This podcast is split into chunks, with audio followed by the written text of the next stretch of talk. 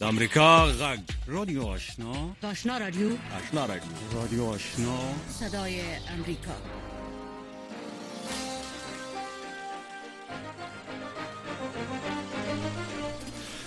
السلام علیکم درنو اوریدونکو د امریکا غږ آشنا رادیو مخامن خبرونه پیلو څنګه تاسو په جریان کې استئ چې منګه په دغه یو ونه کې د افغانستان د تیر کال په پیښو خبرې کوو چې افغانستان کې تیر کال د اگست په 15 سمه د سقوط د افغانستان د نظام نه پس سو شو نور حال مکسره رویا زمانی ده بله با تقدیم سلام شنونده های محترم در آستانه یک سالگی سلطه طالبان بر افغانستان.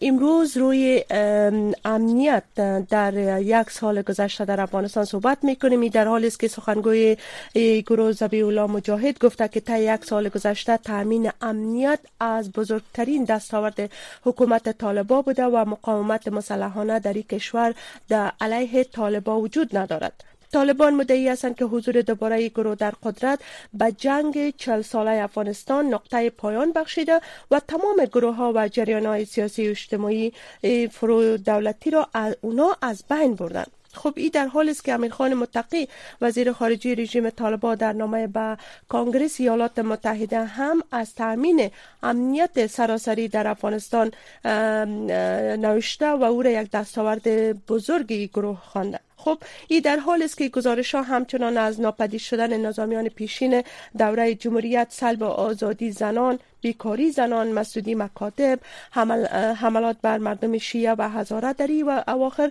گزارش است که همواره به نشر رسیده است. فعالیت های 22 گروه دهشت افغان افغان در افغانستان و درگیری ها در, در مناطق مختلف از جمله پنشیر و بغلان با این حال امنیت کلی در افغانستان در ظرف یک سال گذشته آیا در سراسر افغانستان 100 درصد بوده؟ در این مورد ما صحبت های با تحلیلگران سیاسی داریم اما نخست از همه مشروع خبرها را تقدیم شما می کنیم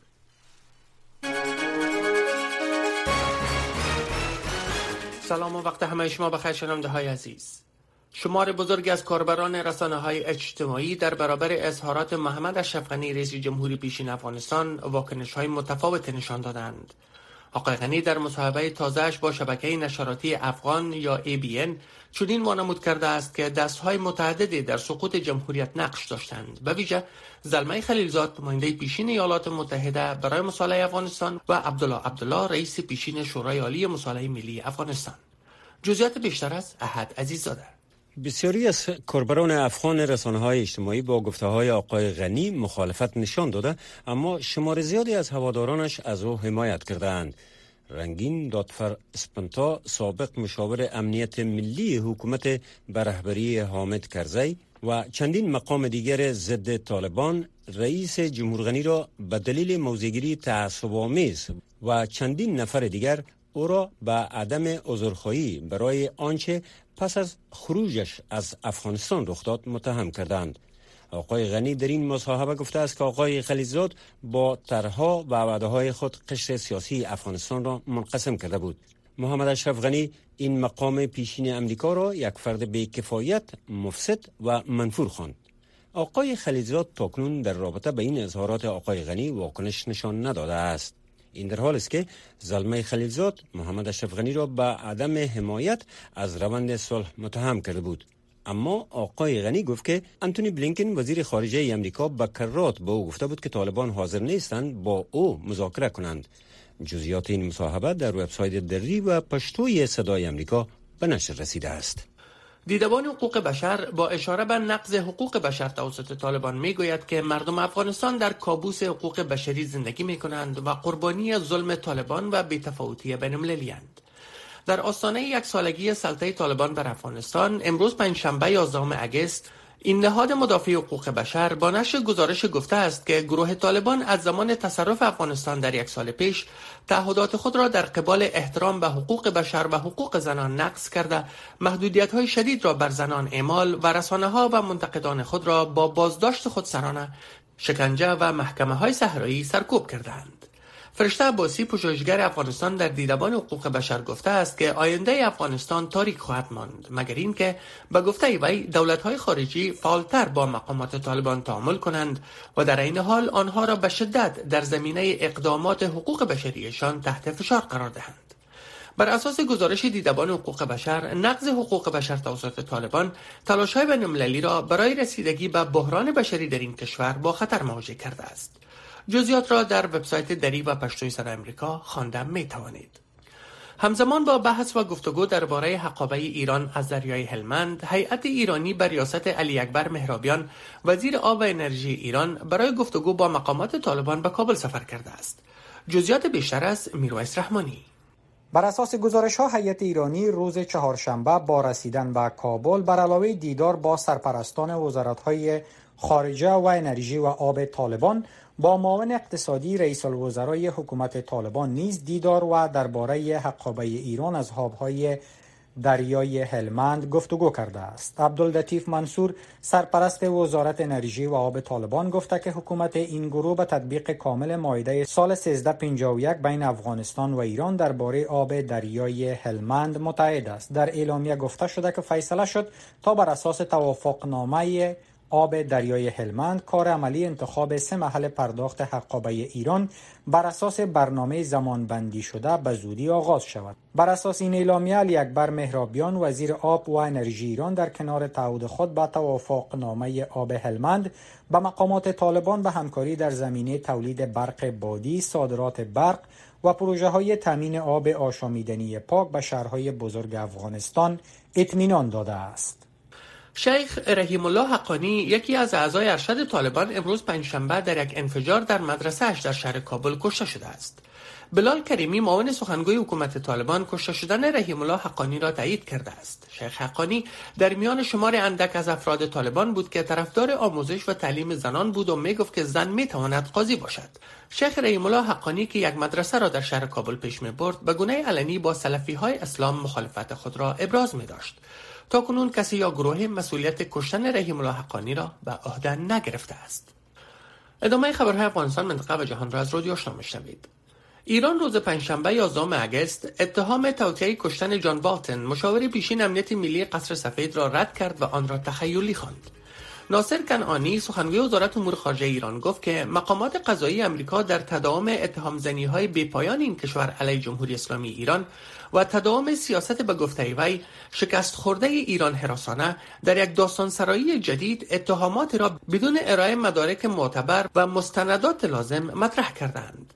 وزارت عدلیه امریکا روز چهارشنبه دوم اگست اعلام کرد که یک عضو سپاه پاسداران ایران را به طراحی توطئه قتل جان بالتن مشاور پیشین امنیت ملی قصر سفید متهم کرده است. این وزارت با نشر بیانیه گفته است که یک عضو سپاه پاسداران ایران به نام شهرام پورسفی که به نام مهدی رضایی نیز مشهور است تلاش کرده تا با پرداخت 300 هزار دلار جان بالتن را به قتل برساند. اوکراین می‌گوید که در حملات راکتی روسیه در نزدیکی یک دستگاه تولید برق اتمی 14 غیر نظامی کشته شدند. این در حالی است که گروه هفت اقتصاد بزرگ جهان یا جی هفت هشدار داده است که کنترل این پایگاه توسط روسیه منطقه را به خطر انداخته است. مقامات محلی گفتند که در حملات شب هنگام در منطقه مرکزی دینیپرو پیتروفسک 13 نفر کشته و 11 نفر دیگر زخمی شدند که وضعیت 5 تن از مجروحین وخیم خوانده شده است.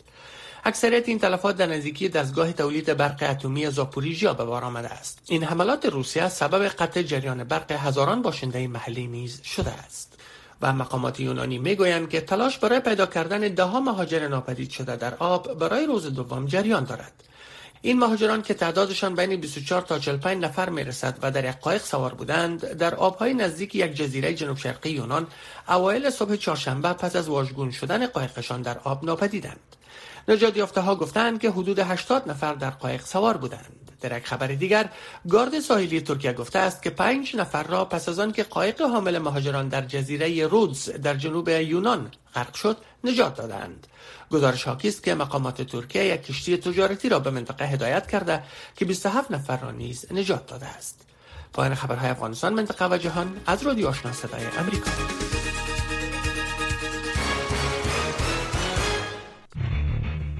تشتنه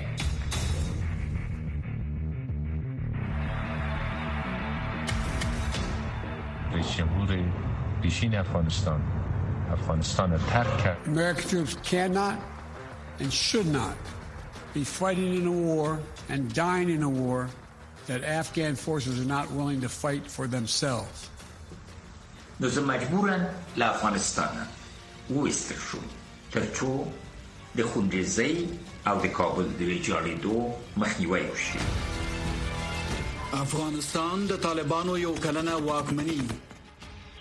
په افغانستان کې د امنیت بشري حقوقو او مرمنو د ازادۍ حکومت ولای اقتصادي او بشري بحران مدني فعالیتونو او د بیان د ازادۍ څرنګوالي پر افغانستان د طالبانو یو کلنې واکمنۍ ته جوړه کتنه د امریکا غږ په ځانګړو خبرونو کې د روان کال د اگست له نهمې تر شپاړسمې نېټې پورې د ځانګړو پروګرامونو دا لړۍ د امریکا غږ د ټلویزیونی، رادیويي، سپوږمکۍ او ډیجیټل خبرونو لارې کتلای او اوریدلای شي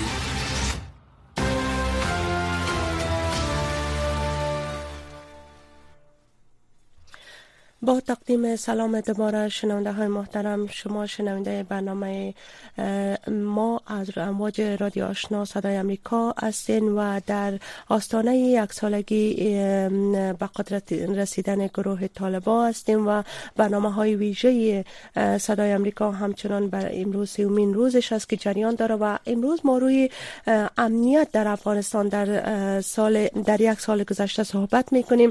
میمانای گرامی داریم آقای نور اگر شما مهمانا را برای شنونده ها معرفی کنین. تشکر. موږ سره نن خبرونه کې متقاعد جنرال طاهر یلغر صاحب دی. هغه برخه بله و همچنان وایس ناصری و آگاه مسائل سیاسی را با خود داریم. برنامه را آقای نور ما با آقای وایس ناصری آغاز می‌کنم. به اجازه شما آقای ناصری آواز ما را میشنوین و برنامه خوش آمدید میگیم. شما را. آقای ناصری شما میشنوین آواز ما را؟ بله عرض سلام ادب دارم من صدا شما رو دارم. جنرال صاحب یارغل شما را هم به برنامه خوش آمدید میگیم. تشکر لطف کنید خب آقای ناصری در آغاز برنامه شما پرسان می‌کنیم که به نظر شما در افغانستان در ظرف یک سال گذشته امنیت چگونه بوده؟ چگونه امنیت در افغانستان در مقایسه به سالهای گذشته شما بررسی می‌کنین؟ با عرض سلام ادب مجدد بانو زمانی گرامی خدمت حضور شما خدمت آقای نور خدمت جنرال سبیق کرد و تمام دوستان و شنونده های شما ببینید اگر امنیت به معنای از کلمه تعریف شود در افغانستان انارشیزم وحشت خشونت و واقعا یک حکومت ظلم استبداد حکومت می‌کنه. چرا؟ امنیت با قانون گره خورده. امنیت با حفظ جان ناموس و روان مردم رضایت مردم گره خورده. امنیت یعنی او است که انسان از تمام مسائل خود را امن بدانه و مورد بی قانونی قرار نگیره ظلم قرار نگیره. ولی در سر سرک در خیابان ها هر اسکر طالب می‌تونه هم سارنوال باشه هم قاضی باشه هم محاکمه باشه و هم خودش به حساب قصاص کنه و بالاخره جلاد باشه. متاسفانه در افغانستان در طول یک سال گذشته با سقوط نظام حکومت و حاکمیت شیرازی حاکمیت و حکومت دیگر شکل نگرفت قانون اساسی شکل نگرفت نظام شکل نگرفت و طالب های گروه شبه نظامی با تفکرات بسیار بسیار افراطی و همچنان با خشونت مذهبی و قومی حکومت و دست گرفتند و امکان نتانستند که امنیت جان و حفظ جان و حفظ امنیت روحی و روانی و اقتصادی و فکری مردم کنه. هم امروز کشته شدن یک از طرفداران بسیار سراپا قرصشان یکی از علمای که در کابل بود برام شیخ عبدالرحیم اقانی. نشان دهنده از است که طالب ها در تامین امنیت هم ناکام هستند. ده ها و صدها حادثه دیگه من می‌تونم براتون نام بگیرم که در تکه خانه ها در روز عاشورا شما شاید بدین چی جنایت در افغانستان صورت نگرفت. در تک عبادتگاه سک ها هم صورت گرفت. در معابد در خانقاه ها در مساجد کشتار وحشت خشونت ده چند زیادتر در زمان گذشته جنگ جریان داشت. در زمان گذشته طالب ها من یک نیروی جنگی در مقابل دولت و نیروی خارجی می جنگیدن با سلاح و با انتحار و انفجار. ولی امروز که هیچ نیروی نظامی مشهود در کابل و شهرهای بزرگ حضور نداره ولی طالب ها از تامین امنیت و از اینکه کشتار و وحشت و خشونت نباشد در به حساب عاجز آمدن ناکام هستند و از همه مهمتر که خود طالب ها منش یک گروه سرکوبگر یک گروه که استبداد اختناق و به حساب اما حقوق اساسی مردم زنان مردان پامال می‌کنه خودشان ناقض کلان امنیت و حقوق است. مردم در افغانستان نه امنیت روحی دارند نه بله. امنیت فیزیکی دارند نه امنیت جسمی دارند نه امنیت فکری دارند نه عقیدتی دارند در یک حالت وحشت در یک حالت از بله. دهشت و خشونت مردم زندگی من تشکر. محترم جنرال صاحب طاهر یرغل تاسو خبره موږ ملما واورېدې کومنګ نن او د تیر سره وخت مقایسه کو د افغانستان د امنیت په حساب. تاسو اټکل کوي چې په خاخو کو وسخه ده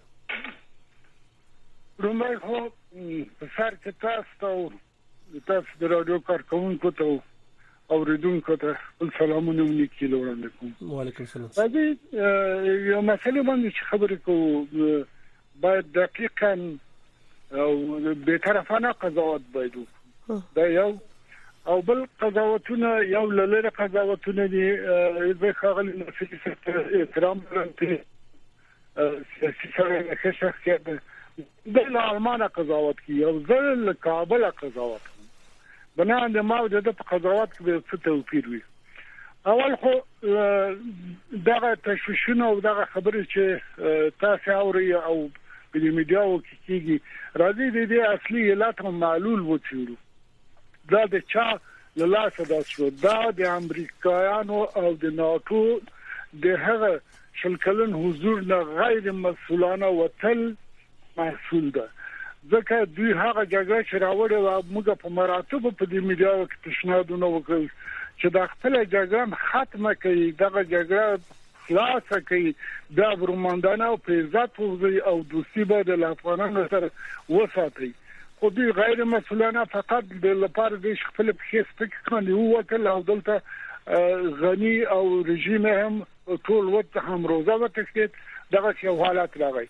را به شو د امنیت پاک لبنه امنیت په هغه وخت کې چې دلته ناتو امریکایان حضور درلود د کاغلی غنی رژیم دلته وزل شاید د دې ما چې لسلونه تر 1500 نفر په یو ورځ کې قرباني کېدل دواړو غاړو لملکی وګړو سره مګر خوشبختانه چې وروسته لغنه چې هغه فاسد رژیم سقوط شه او طالبان راغلو واګي ونیول نن موږ هغه تلفات نه لرو نن موږ هغه وجن نه لرو نن موږ هغه وینو ته نه لرو نن موږ هغه واشات چې د شپې د خلکو په کورو باندې چاپی ولې او سړی به راوستل زرون مرکز د خپل خپلوانو څخه د څو نفر اسناد درم چې په مغه وخت راوستل شي د کورو څنګه وشتل شوی د امنیت ملي د بل بل لخوا وسکه نن هغه نه لرو.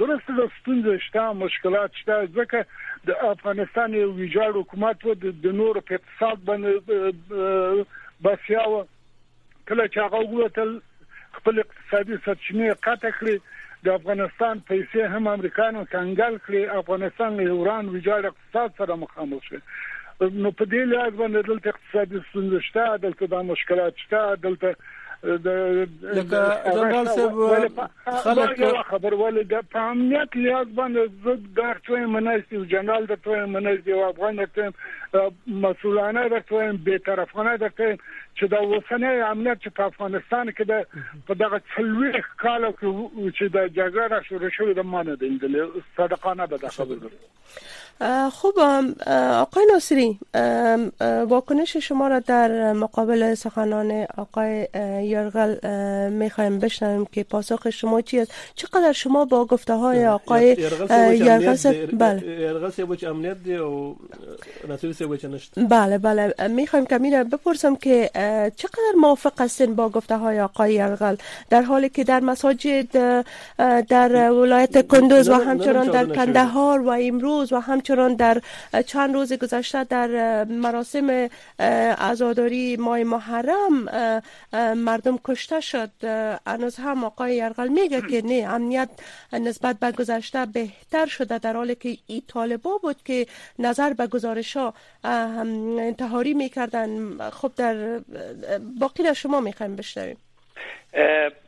همین حرف شما را ادامه می‌تونم طالبا خودشان باعث کشتار وحشت و خشونت روزانی دو سیصد افغان بود.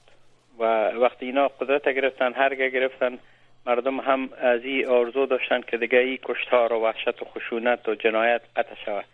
ولی روی های طالب ها یا گروه دیگه که به نام داعش امروز در مقابل طالب هست که او هم از بدنه طالب است با تفکر طالبانی است با دیدگاه های مشترک است خواستگاه های مشترک دارند. اینا متاسفانه از یک به حساب چینل رهبری شدن متاسفانه جنگ داعش و جنگ طالب کشتار وحشت و خشونت من پیشتر برای اغاس و میال در کابل هستن. کشته شدن رئیم حقانی و کشته شدن رهبران سلفی های افغانستان و در مابین یک کانال در مابین جلالباد بیشتر از 100 جن مرده را کشف کردن در کدام تاریخ کدام زمان بوده.